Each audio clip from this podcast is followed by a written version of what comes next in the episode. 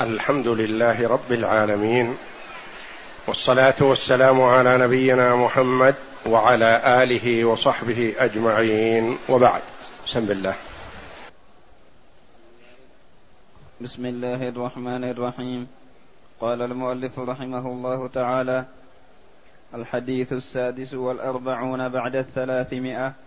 عن أبي هريرة رضي الله عنه أنه قال أتى رجل من المسلمين رسول الله صلى الله عليه وسلم وهو في المسجد فناداه فقال يا رسول الله إني زنيت فأعرض عنه فتنحى تلقاء وجهه فقال يا رسول الله إني زنيت فأعرض عنه حتى ثنى ذلك عليه أربع مرات فلما شهد على نفسه أربع شهادات دعاه رسول الله صلى الله عليه وسلم فقال أبك جنون؟ قال لا. قال فهل أحسنت؟ قال نعم. فقال رسول الله صلى الله عليه وسلم اذهبوا به فارجموه. الحديث السابع والأربعون بعد الثلاثمائة. قال ابن شهاب رحمه الله فأخبرني أبو سلمة بن عبد الرحمن أنه سمع جابر بن عبد الله رضي الله عنهما يقول كنت في من رجمه فرجمناه بالمصلى فلما أذلقته الحجارة هرب فأدركناه بالحرة فرجمناه.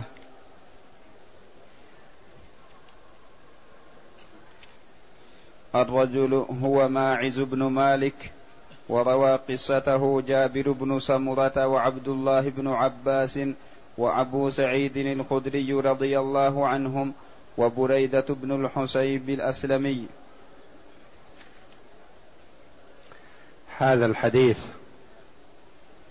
فيه إثبات حد الرجم لمن زنى بعد الإحصان.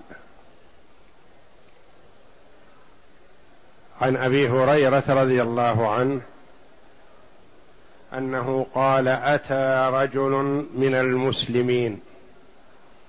يعني هذا الرجل مسلم تجري عليه أحكام المسلمين.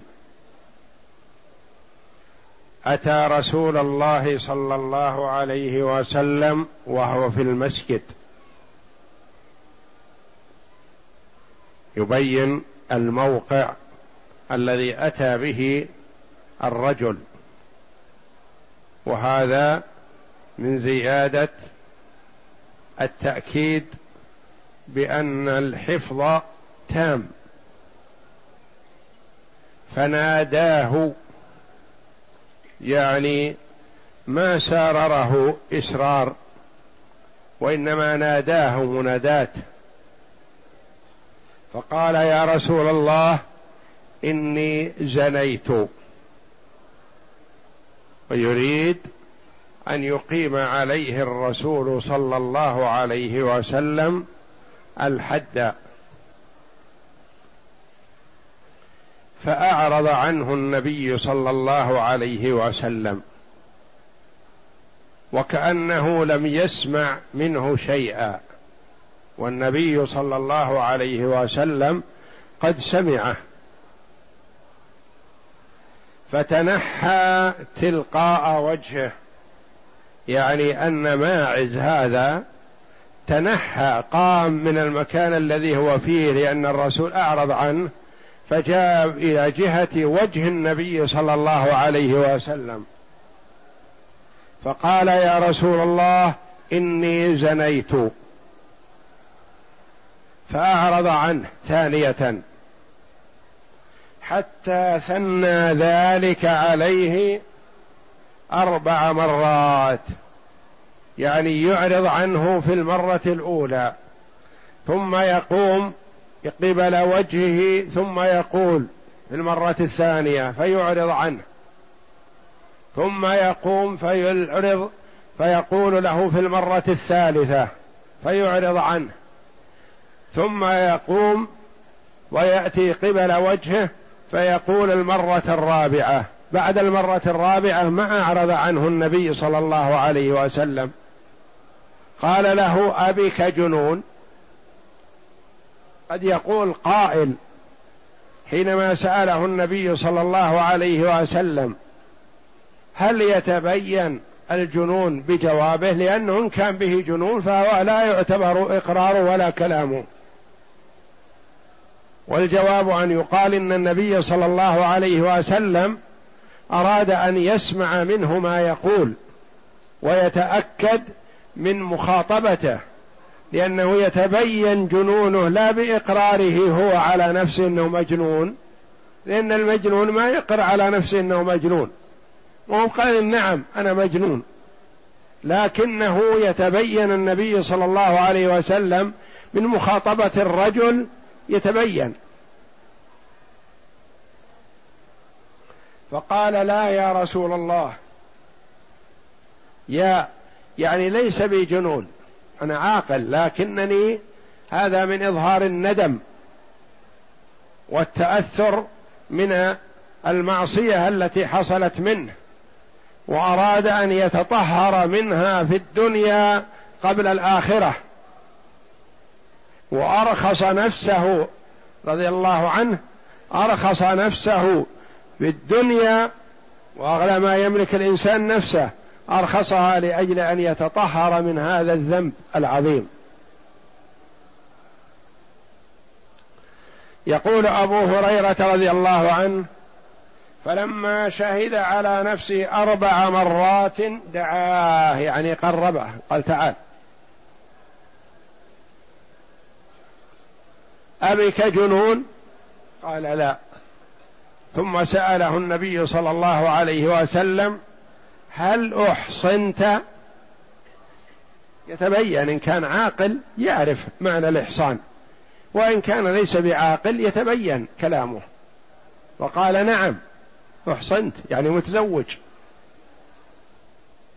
والمحصن هو من وطئ امرأة في عقد نكاح صحيح حال حريته وإن لم يكن عنده زوجة وقت الزنا. يعتبر محصن. يعني ما يلزم أن تكون زوجته عنده يعني لو كانت مطلقة أو متوفاة إذا زنى بعد وطئه وطئا في نكاح صحيح يعتبر محصن. قال نعم أحصنت. يعني متزوج. وعنده زوجة.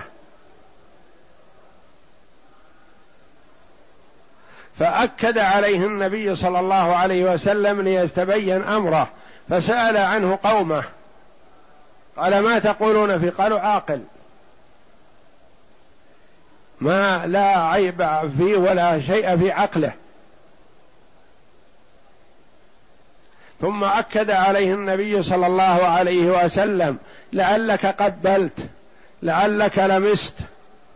قال لا يا رسول الله. فعلت منها حراما ما يفعل الزوج من زوجته حلالا.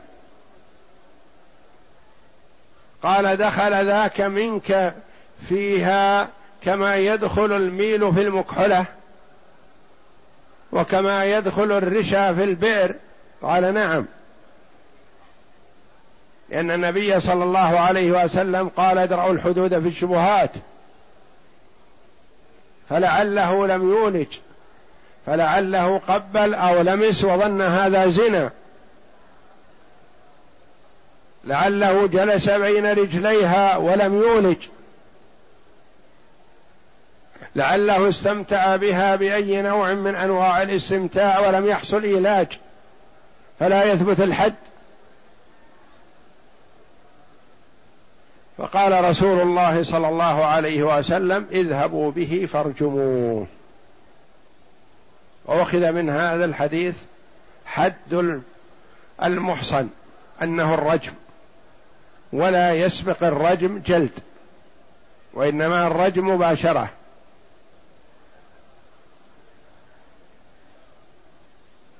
وأنه لا يلزم أن يحضر الإمام ولا نائبه. قال اذهبوا به فارجموه. وأن الرجم يكون بالحجارة حتى الموت. كل هذا للردع والزجر عن هذه الجريمة الشنيعة جريمة الزنا.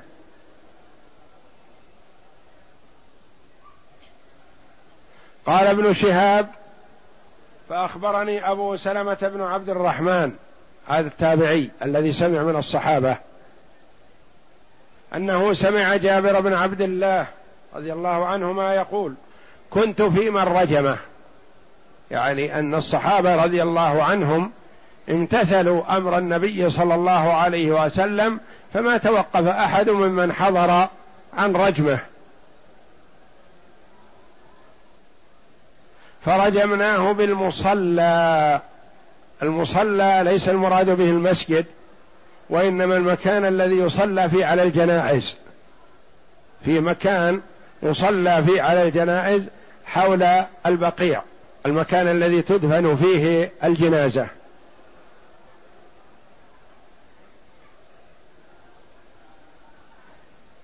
فلما أذلقته الحجارة يعني أوجعته تتابعت عليه الحجارة وأوجعت كان واقف.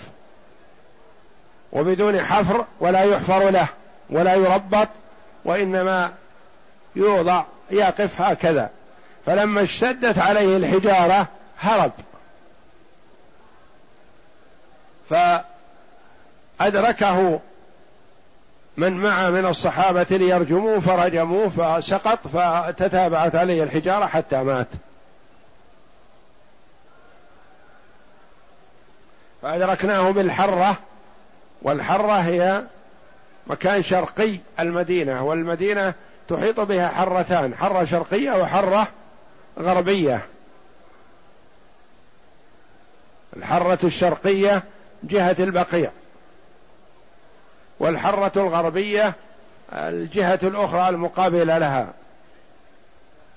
والجهة الشمالية يحدها جبل أحد والجبال الكبيرة حوله. والجهة الجنوبية جهة قبى مسجد قبى وهي قبلة المدينة جنوب. فأدركناه بالحرة فرجمناه أبو هريرة رضي الله عنه قال أتى رجل من المسلمين ما سماه مع أنه يعرفه لأنه لا غرض في تسميته وإنما الغرض في الحكم. وما جرى بينه وبين النبي صلى الله عليه وسلم. وما حكم به عليه النبي صلى الله عليه وسلم. فلا حاجة إلى تسميته. وهو ماعز ابن مالك الأسلمي. وروى قصته جابر بن سمرة وعبد الله بن عباس. وأبو سعيد الخدري وبريدة بن الحصيب الأسلمي رضي الله عنهم. يعني جمع من الصحابة لأن هذا كان مشهد من الصحابة. وقد ورد أن الرجل ذهب إلى أبي بكر يخبره أو إلى عمر اولا فأخبره فقال له هل أخبرت احدا؟ قال لا. قال استتر بستر الله ولا تخبر أحد وتب إلى الله جل وعلا والله يتوب عليك. ثم ذهب إلى الآخر فأخبره فقال له هل أخبرت أحدا؟ ذكر من أخبر. فقال استتر بستر الله ولا تخبر بذلك أحدا وتب إلى الله. فكأن نفسه التي تريد الطهارة والصدق في التوبة ما سمحت حتى يخبر الرسول صلى الله عليه وسلم. فالنبي صلى الله عليه وسلم أعرض عنه لعله يخاف أو يحدث توبة صادقة ويستتر بستر الله فلعل الله أن يتوب عليه.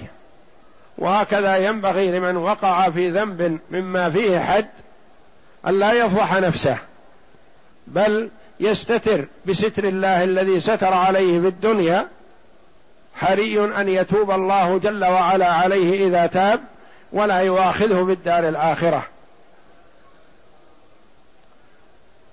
فإن لم يفعل ولم تطاوعه نفسه فلا بأس عليه أن يرفع أمره إلى الحاكم لينال عقوبة الدنيا خشية أن تدخر له في الدار الآخرة.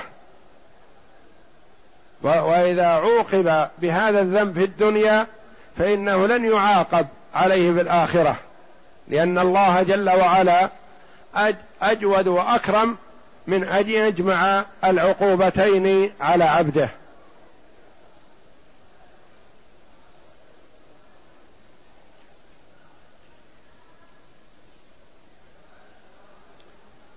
وقد جاء في قوله صلى الله عليه وسلم من فعل شيئا من ذلك يعني من الجرائم وما يوجب الحد فعوقب به في الدنيا فهو كفارة له.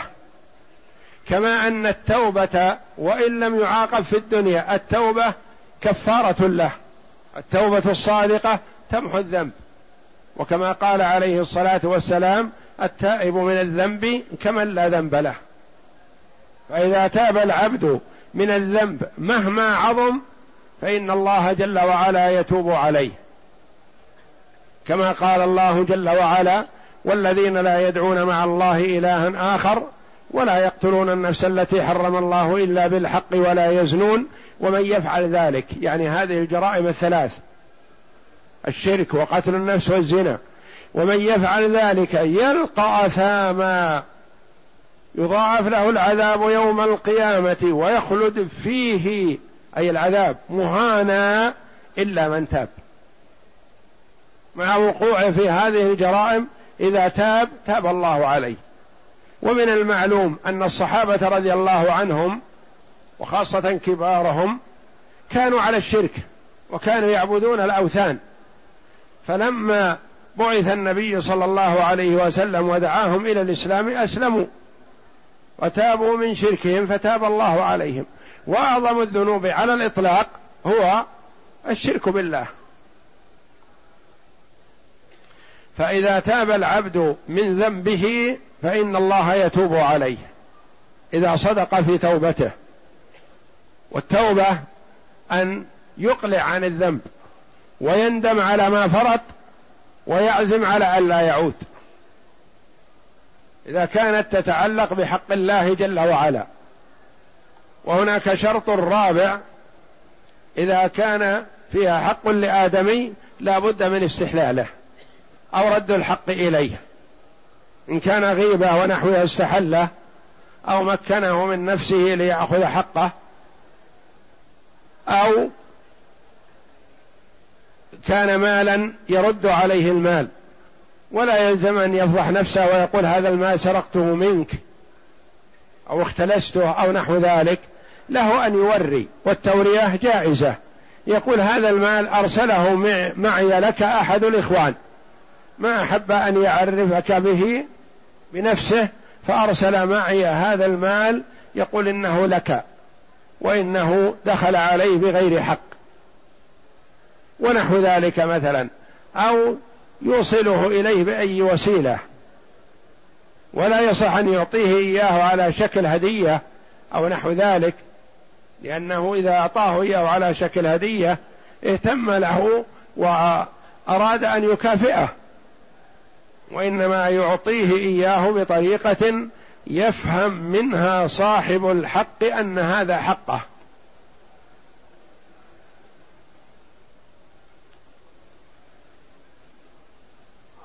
ويؤخذ من إعراض النبي صلى الله عليه وسلم ما ذهب إليه الإمام أحمد رحمه الله وأبو حنيفة رحمه الله وجمع من العلماء رحمة الله عليهم أنه لا بد أن يقر بالزنا أربع مرات. ويرى الإمام أحمد وغيره أنه يكفي في مجلس واحد. ويقول أبو حنيفة رحمه الله لا بد أن تكون في أربعة مجالس. ما يكفي مجلس واحد. ويرى الإمامان مالك والشافعي أنه يكفي في الإقرار مرة واحدة. قالوا تكرير الإقرار من ماعز ليستثبت منه النبي صلى الله عليه وسلم. وإلا ففي قوله صلى الله عليه وسلم فيما تقدم وغد يا أنيس إلى امرأة هذا إن اعترفت فارجمها. فهذا دليل على أنه يكفي مرة واحدة. ولكون الحدود تدرأ بالشبهات ولأنه يحتمل أن يكون أن يظن ما ليس بزنا زنا فيحسن أن يقر على نفسه أربع مرات. ولكون الشهود على الزنا لابد أن يكونوا أربعة. لو شهد اثنان أو ثلاثة فإنه يقام عليهم الحد حد القذف. حتى يتم النصاب أربعة يشهدون أنهم رأوه يزني ورأوا ذكره في فرجها كما يرى الميل في المكحلة والرشا في البئر. وهذا شبه متعذر. وما ذاك إلا لحماية أنفس المسلمين من إقامة الحد عليهم بالشبهة لأنه قد يراه ثلاثة أو أربعة أو خمسة أو أكثر بين فخذيها أو بين رجليها أو نائم معها في لحاف ونحو ذلك فيأتون يقولون زنا. وهذا لا يعتبر زنا وإنما هذا يستحق عليه التعزير والتأديب ولا يستحق عليه الحد. لأن الحدود تدرأ بالشبهات فلا يقام الحد إلا بيقين أن صاحبه استحقه.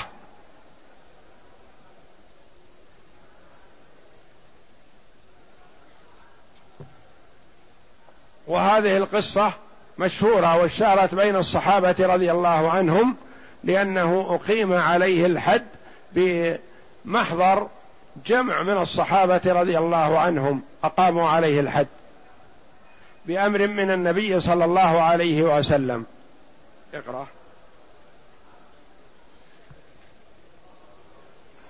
المعنى الإجمالي أتى ماعز بن مالك الأسلمي رضي الله عنه إلى النبي صلى الله عليه وسلم وهو في المسجد فناداه واعترف على نفسه بالزنا.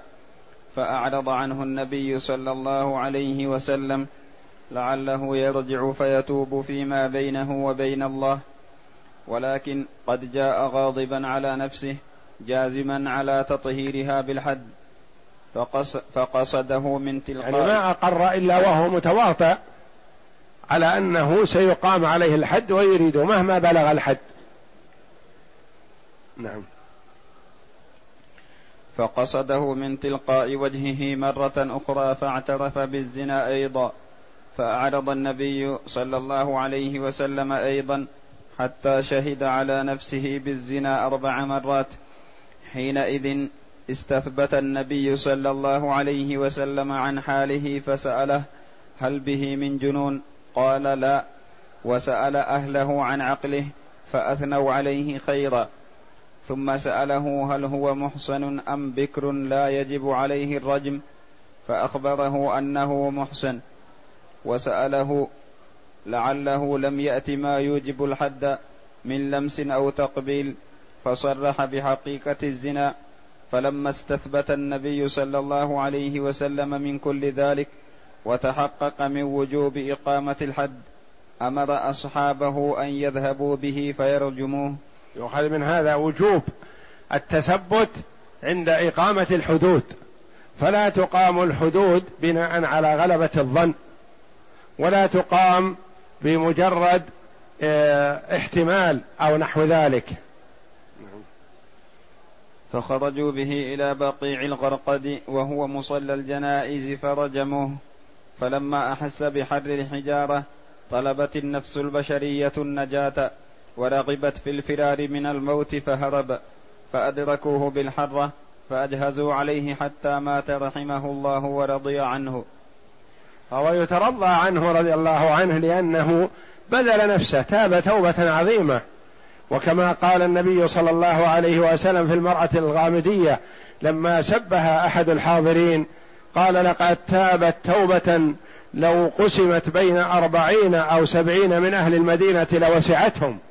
وقال لقد تابت توبة لو تابها صاحب مكس لقبل منه. دليل على أن من جاء تائبا ومقرا بالحد ليطهر نفسه أن هذا دليل على سلامة قلبه وعلى صدقه في توبته فيترحم عنه ويترضى عنه إن كان من الصحابة. نعم. ما يستفاد من الحديث؟ اولا أن الزنا يثبت بالإقرار كما يثبت بالشهادة. يعني أن ثبوت الزنا بأحد أمرين. الإقرار من المرء نفسه أو شهادة شهود اربعه شهود. والذي يظهر والله أعلم أنه ما ثبت بشهادة اربعه شهود أبد لأنه شبه مستحيل. أن يثبت بأربعة شهود يرون ذكره في فرجها كما يرى الميل في المكحله وكما يرى الرشا في البئر ونحو ذلك. هذا شبه متعذر. وإنما يكون بالإقرار وقد حصل بالإقرار كثير. ممن من الله عليه بالتوبة والرجوع والندم ورأى أنه لا يتطهر من هذا الذنب إلا بإقامة الحد عليه. مع أنه لو استتر بستر الله جل وعلا لا كفاه ذلك وصدق في توبته فيما بينه وبين الله. ويأتي هل يكفي الإقرار مرة أم لا بد من الإقرار أربع مرات كما في هذا الحديث؟ هذا الحديث فيه أربع مرات وبعض الأحاديث فيها مرة. فالذين أخذوا بأربع مرات قالوا بناء على الشهادة. وقالوا فعل النبي صلى الله عليه وسلم مع ماعز. وأجابوا عن الأشياء التي فيها مرة واحدة. قالوا إن قوله صلى الله عليه وسلم وغدو يا أنيس إلى امرأة هذا فإن اعترفت فارجمها يعني اعترفت الاعتراف المعروف شرعا في حد الزنا وهو أربع مرات ونحو ذلك. والغامدية التي جاءت وقال لها النبي رددها النبي صلى ردها قالت أتريد أن تردني كما رددت ماعز؟ ومن أدلة درء الحد بالشبهة أن الرجل لو اعترف بأنه زنى بفلانة مثلا واعترف على نفسه أربع مرات وأن فلانة ما أقرت يقام عليه الحد ولا يقام عليها هي الحد. ولو اعترفت المرأة أن فلانا زنى بها باختيارها يقام عليها الحد ولا يطلب الرجل ويقال له زنيت بهذه المرأة حتى يأتي ليقر بالزنا. ولا يقبل قول أحد الزانيين على الآخر. واحد اعترف على نفسه وأن قرينه فلان أو فلانة مثلا. ما يؤخذ ما يؤخذ بقول صاحبه أن الزاني أو الزانية فلانة. وإنما يقام عليه الحد بإقراره هو وذاك يدرأ عنه الحد حتى يقر إن أقر وإلا يستتر بستر الله جل وعلا. نعم. ثانيا أن المجنون لا يعتبر إقراره. لأن النبي صلى الله عليه وسلم سأل ابك جنون دليل على أنه لو تبين أن به جنون ما يؤاخذ باقرار لو قال زنيت مئة مرة ما يقبل منه. نعم. ولا يثبت عليه الحد لأن شرط لأنه غير مكلف. رفع القلم عن ثلاثة. نعم. لأن شرط الحد التكليف. البلوغ والعقل. والإسلام. نعم. ثالثا أنه يجب على القاضي والمفتي التثبت في الأحكام والسؤال بالتفصيل عما يجب الاستفسار عنه مما يغير الحكم في المسألة. لأن ما يصلح أن يجيب المرء إجابة سريعة حتى يتثبت. قال مثلا زنيت يقال ارجموه ربما يكون الرجل غير محصن ما يستحق الرجم. يقول مثلا سرقت ربما أنه يكون سرق من مال أبيه أو سرق من بيت المال أو سرق من شيء فيه شبهة له ما يقام عليه الحد. حتى يتجرد من الشبهة ويكون موجب للحد. نعم. فإن النبي صلى الله عليه وسلم سأل المقر هنا عن عمله حتى تبين له أنه فعل حقيقة الزنا. عن و... عمله لا عن وظيفته وإنما عن عمله في الزنا. كيف؟ دخل منك ذاك في فرجها كما يدخل الميل في المكحلة وكما يدخل الرشا في البئر؟ قال نعم. قال لعلك قبلت لعلك لمست. قال فعلت منها حراما ما يفعل الرجل من زوجته حلالا. وهكذا. نعم. وسأل أهله من عقله وأعرض عنه حتى كرر الإقرار واستثبت منه. قال في فتح الباري فقد بالغ صلى الله عليه وسلم في الاستثبات غاية المبالغة وهذا وقع بعد إقراره أربع مرات فهو يؤكد اشتراط العدد لأن هذا الاستثبات لأن هذا الاستثبات العجيب وقع بعده. وقع الاستثبات والسؤال وسؤال الأهل. كل هذا بعد الإقرار أربع مرات. يعني لو كان أقر مرة أو مرتين أو ثلاث وانصرف ما سأل عنه النبي صلى الله عليه وسلم. نعم. رابعا أن حد المحسن الزاني رجمه بالحجارة حتى يموت ولا يحفر له عند الرجم. خامسا ولا يحفر له عند الرجم لأنه يترك هكذا. حتى إن هرب يترك ولا يلحق. والنبي صلى الله عليه وسلم لما علم أن ماعز هرب قال هل لا تركتموه؟ لعله يتوب فيتوب الله عليه. هل لا تركتموه؟ نعم. خامسا أنه لا يشترط في إقامة الحد حضور الإمام أو نائبه. من قوله صلى الله عليه وسلم اذهبوا به فارجموه. نعم. والأولى الزنا ثبت بإقرار فيبدأ أول ما يبدأ القاضي الحاكم. وإذا كان ثبت بشهادة الشهود فأول ما يبدأ الشهود لأن قتله ورجمه بناء على شهادتهم. نعم. سادسا جواز إقامة الحدود في مصلى الجنائز. في مصلى الجنائز لا في المساجد لأن المصليات ليس لها حكم المسجد. والحدود ما تقام في المساجد. ومثل مصلى الجنائز ومصلى العيد ومصلى الاستسقاء ونحو ذلك هذه ليس لها حكم المسجد. نعم. وكانوا في الأول يجعلون للصلاة على الجنائز مصلى خاصا. سابعا أن الحد كفارة للمعصية التي أقيم الحد لها وهو إجماع. هذا إجماع من المسلمين أن إقامة الحد مكفر للعبد عن الجريمة التي فعلها. نعم. وقد جاء صريحا في قوله صلى الله عليه وسلم من فعل شيئا من ذلك فعوقب به في الدنيا فهو كفارته. ثامنا وأن إثم المعاصي يسقط بالتوبة النصوح وهو إجماع المسلمين أيضا. كذلك بنص القرآن إلا من تاب. نعم. تاسعا إعراض الإمام والحاكم عن عن المقر على نفسه بالزنا لعله فعل ما لا يوجب الحد فظنه موجبا والحدود تدرأ بالشبهات. عاشرا هذه هذه المنقبة العظيمة لماعز رضي الله عنه إذ جاء به بنفسه غضبا لله تعالى وتطهيرا لها مع وجود الإعراض عنه وتلقينه ما يسقط عنه الحد. تلقينه ما يسقط الحد. النبي صلى الله عليه وسلم قال لعلك قبلت لعلك لمست ونحو ذلك. نعم.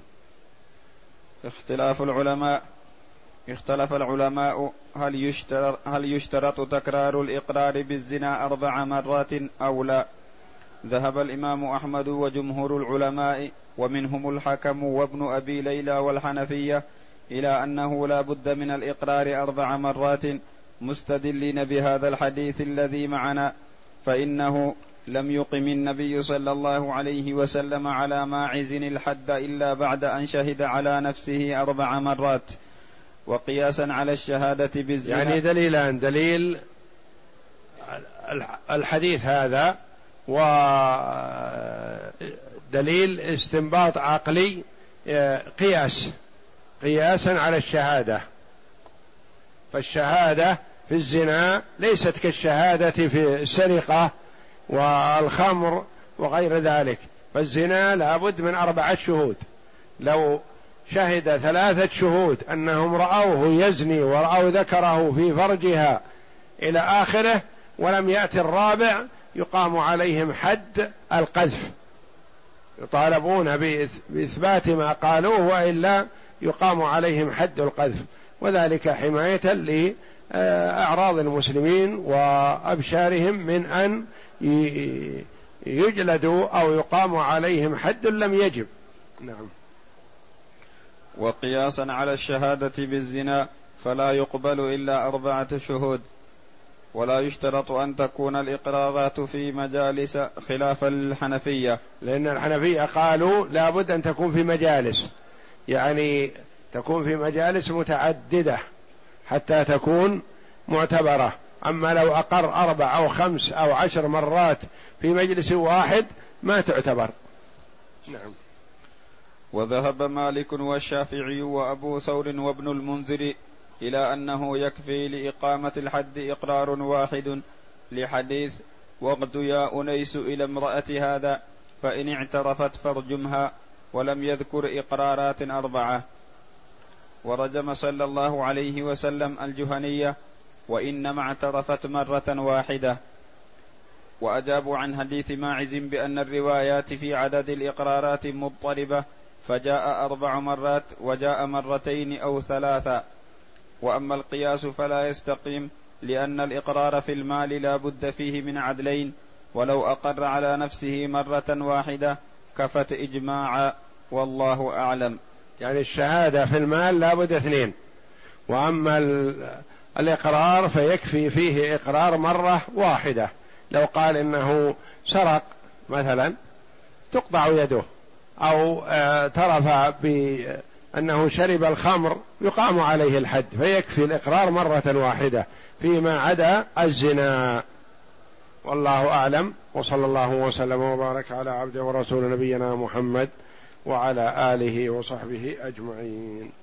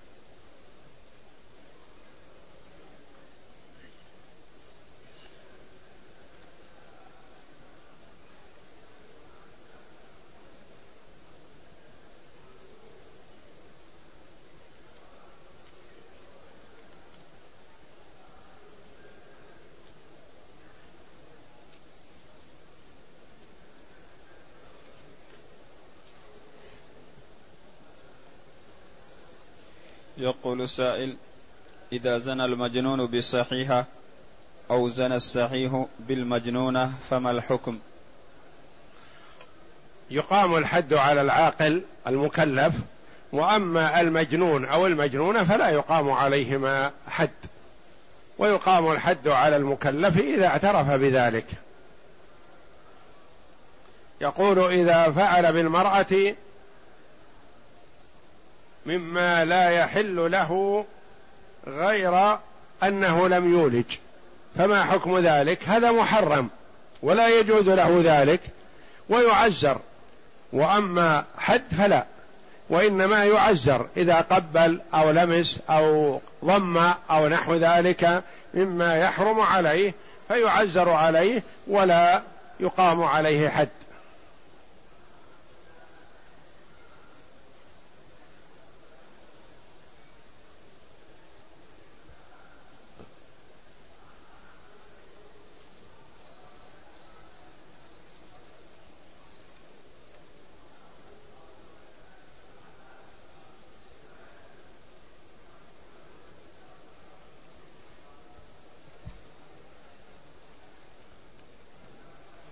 يقول ما حكم استعمال السبحة؟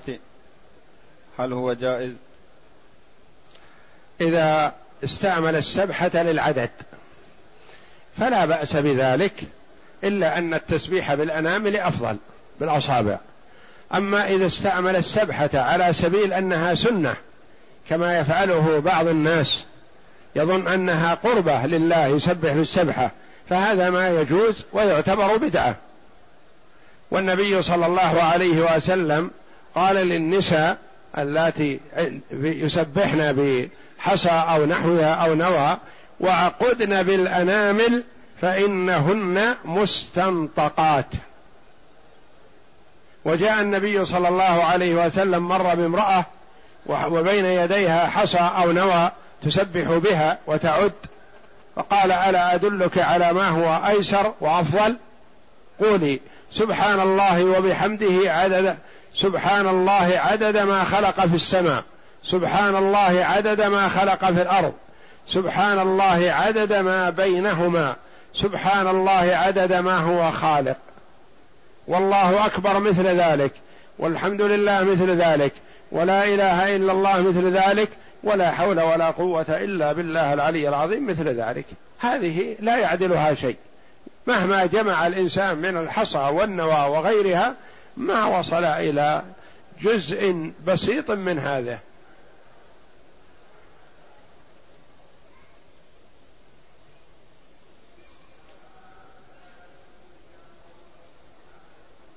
يقول هل الأفضل في الصلاة على الجنازة في المسجد أم خارج المسجد؟ وأين كان النبي صلى الله عليه وسلم يصلي على الجنائز في غالب أيامه؟ النبي صلى الله عليه وسلم صلى على الجنازة في المسجد وصلى على الجنازة خارج المسجد في المصلى هذا وصلى على الجنازة في المقبرة. ولا بأس بالصلاة على الجنازة في أي مكان. وإذا خشي من تلويث الجنازة للمسجد فيصلى عليها خارج. لأن الجنائز تختلف. أحيانا يكون فيه جروح أو فيه سيلان ونحو ذلك فهذا يصلى عليه خارج المسجد.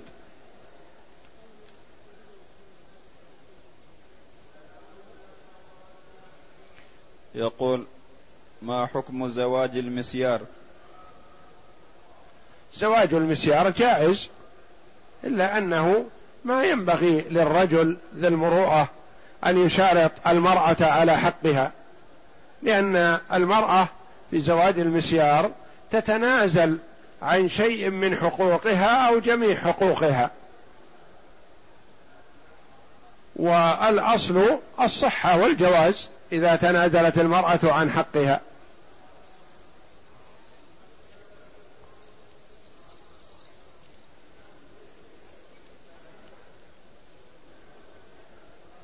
يقول ما حكم الصلاة بالثياب المتسخة بالتراب والطين؟ إذا كان هذا الاتساخ بالطين والماء ونحو ذلك من الأشياء الطاهرة فلا بأس بالصلاة بها لكن لا يصح الصلاة بالثياب المتسخة بنجس لأنه يشترط طهارة الثوب. فإذا كانت الاتساخ هذا بأشياء طاهرة ايا كان نوعها فالصلاة فيها صحيحة إلا أنه لا يجوز أن يصلي بالثياب المتسخة إذا كانت تتعدى اتساخها هذا إلى المسجد أو إلى فرش المسجد ونحو ذلك. ويقول هل يجوز صلاة الليل جماعة في الأيام العادية؟ يجوز ما لم يتخذ هذا عادة باستمرار. لو أن جماعة مثلا اجتمعوا في يوم من الأيام بمناسبة فيما بينهم ثم أرادوا أن يختموا سهرتهم أو اجتماعهم بصلاة ركعات مثلا يؤمهم أحدهم فلا بأس بهذا. لكن ما ينبغي أن يتخذ عادة باستمرار. فبعض الأعمال يجوز عملها مثلا أحيانا لا باستمرار. كالنبي صلى الله عليه وسلم لما زار أم سليم ودعته ضحى آه، قام صلى الله عليه وسلم وصلى في مكان لها وصلى أنس والغلام وراء النبي صلى الله عليه وسلم والعجوز خلفهم. يعني صلى بهم جماعة عليه الصلاة والسلام ولم يكن هذا من عادته باستمرار. فمثلا إذا اجتمع جماعة وأحبوا أن يصلوا فحسن فلا بأس بذلك ولا ينهون عن هذا. لكن إذا اتخذ عادة ما ينبغي مثل هذا.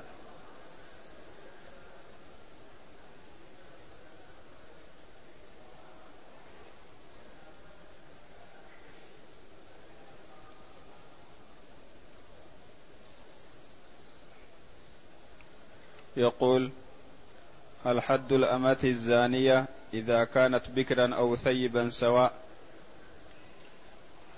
الأمة حدها بكرا أو ثيب خمسون جلدة.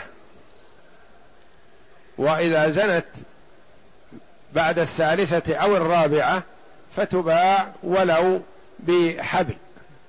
ما يجوز إبقاؤها إذا تكرر منها الزنا.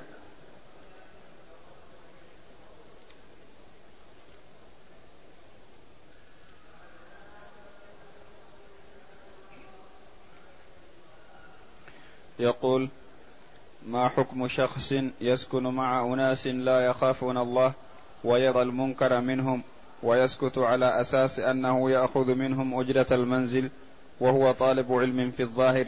أرجو لكم أرجو منكم النصيحة له. ما يجوز للمسلم أن يرى المنكر ويسكت عليه؟ والنبي صلى الله عليه وسلم بين درجات تغيير المنكر من رأى منكم منكرا فليغيره بيده فإن لم يستطع فبلسانه فإن لم يستطع فبقلبه وذلك أضعف الإيمان. وفي رواية وليس وراء ذلك من الإيمان حبة خردل يعني قد يكون المرء يرى المنكر لكن ما يستطيع يغيره بيده لأنه ليس في ولايته ولا يستطيع أن يتحكم بمن عندهم المنكر. فيغير بلسانه. يقول هذا ما يجوز وهذا محرم ويحرم عليكم كذا.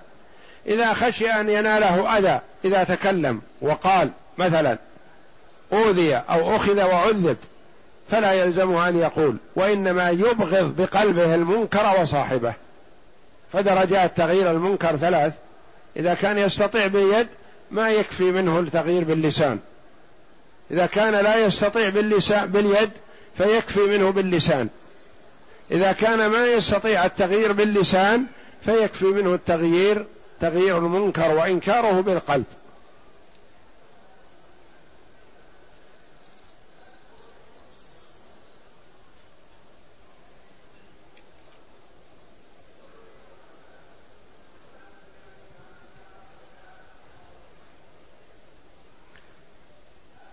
يقول أنا عندي بنت توفيت عمرها تسعة عشر سنة ولم تحج هل عليها إثم؟ إذا كانت خلفت مال فيرسل من يحج عنها نيابة عنها. وأما إذا كانت لم تخلف مال وهي فقيرة ما استطاعت الحج فليس عليها شيء. لأن الله جل وعلا يقول ولله على الناس حج البيت من استطاع إليه سبيلا. أما من لم يستطع فليس عليه شيء.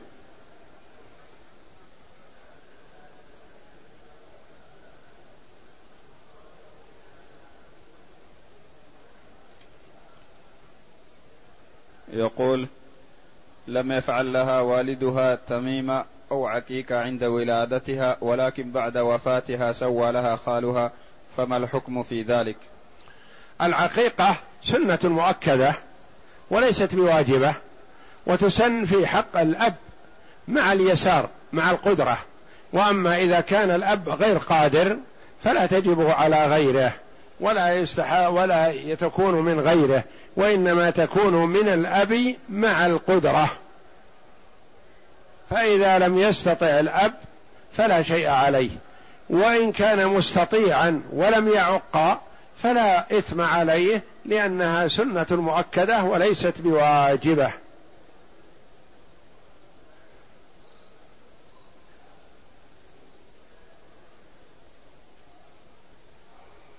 يقول رجل حج وفعل جميع أفعال الحج إلا طواف الإفاضة والسعي حتى الآن ماذا عليه؟ بقي عليه ركنان من أركان الحج. وأركان الحج أربعة. أتى بركنين وبقي عليه اثنان. فلا يليق بالمسلم أن يؤخر أركان الحج مع القدرة على ذلك.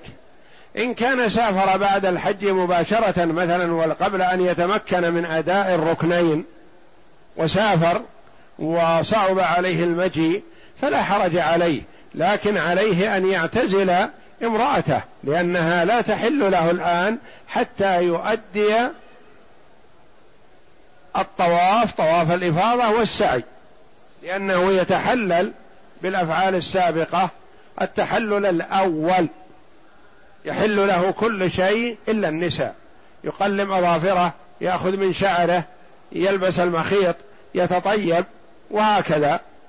إلا النساء فلا تحل له امرأته حتى يطوف ويسعى.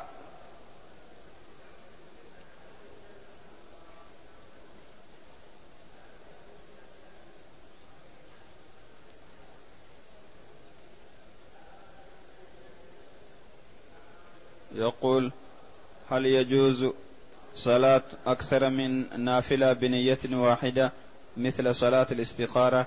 وسنة العشاء وركعتي الطواف. لا بأس. يعني يصلي ركعتين ينوي بها تحية المسجد وسنة الفجر مثلا وسنة الوضوء وسنة الطواف. لا بأس. إذا نوى هذه كلها حصلت له بإذن الله. سنة الطواف مثلا مع الراتبة راتبة الظهر أو راتبة الفجر وهكذا. فيصح له ذلك.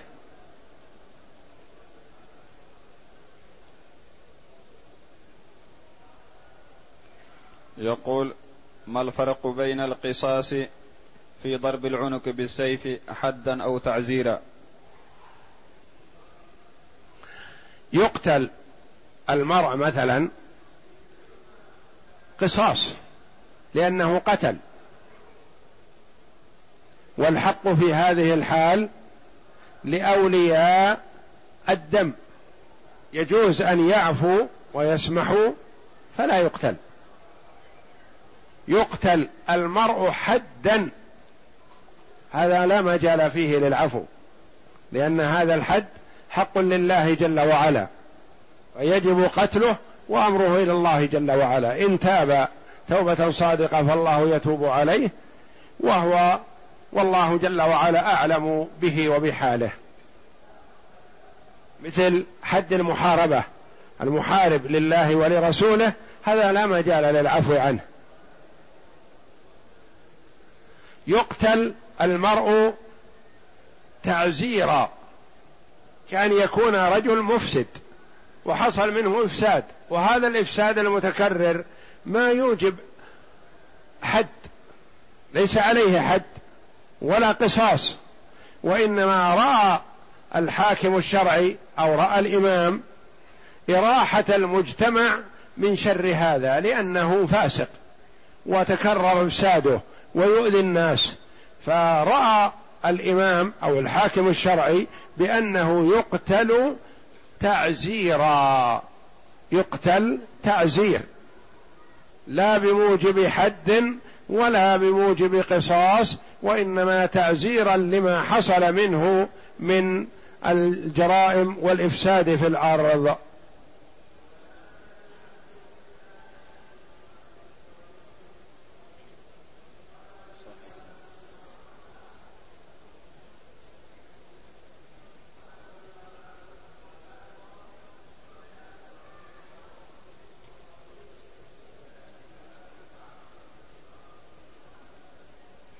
يقول إذا زنى رجل, رجل بالمرأة ولم ير أحد وهو في الجماع ولكن رأوا دخوله عند المرأة وشكوا أنه دخل لكي يجامع امرأة لم يروا إلا دخول بيتها في الليل أو النهار عندها وهي أجنبية ما هو الحكم؟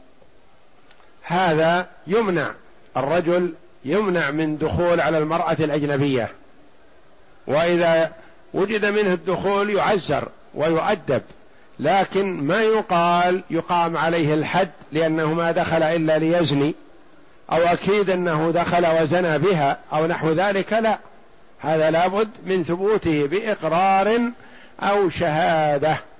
وأما التعزير فيعزره الحاكم بما يراه مناسبا ورادعا له ولأمثاله.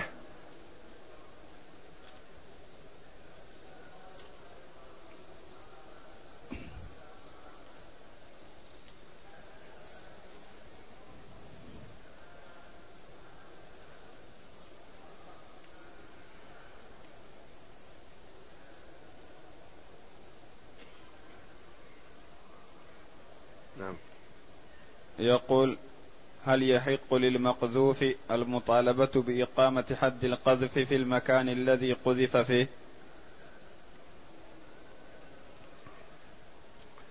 نعم للمقذوف أن يطالب بإقامة حد القذف على من قذفه فيوقف القاذف ويقال له أثبت ما تقول عن زنا فلان أو فلانة. فإن أثبت بالشهادة المعتبرة أقيم حد الزنا على المقذوف. وإن عجز عن الإثبات يقام عليه الحد هو حد القذف وحد القذف ثمانون جلدة.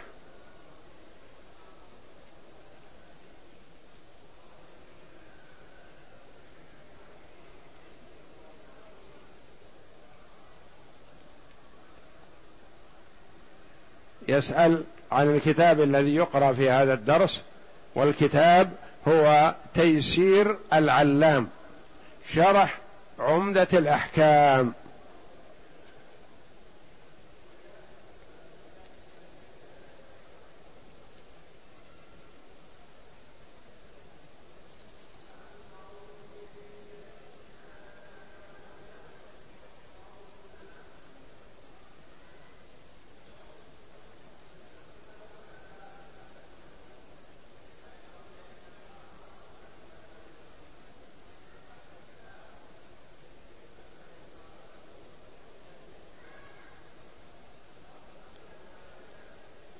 يقول لماذا لم يؤتى بالتي زنى بها لكي يقام عليها الحد؟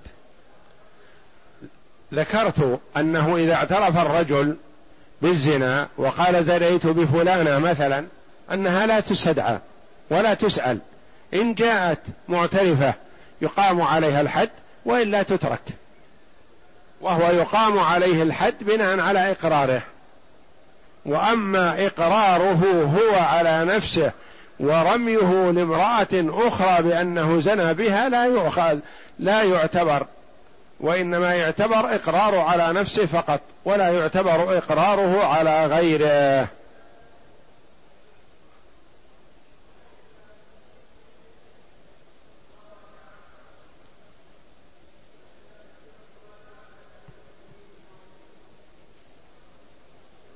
يقول من أقر بالزنا ثم أشار إلى المرأة التي زنى بها ولم تقر هي هل يقام عليه حد القذف أيضا؟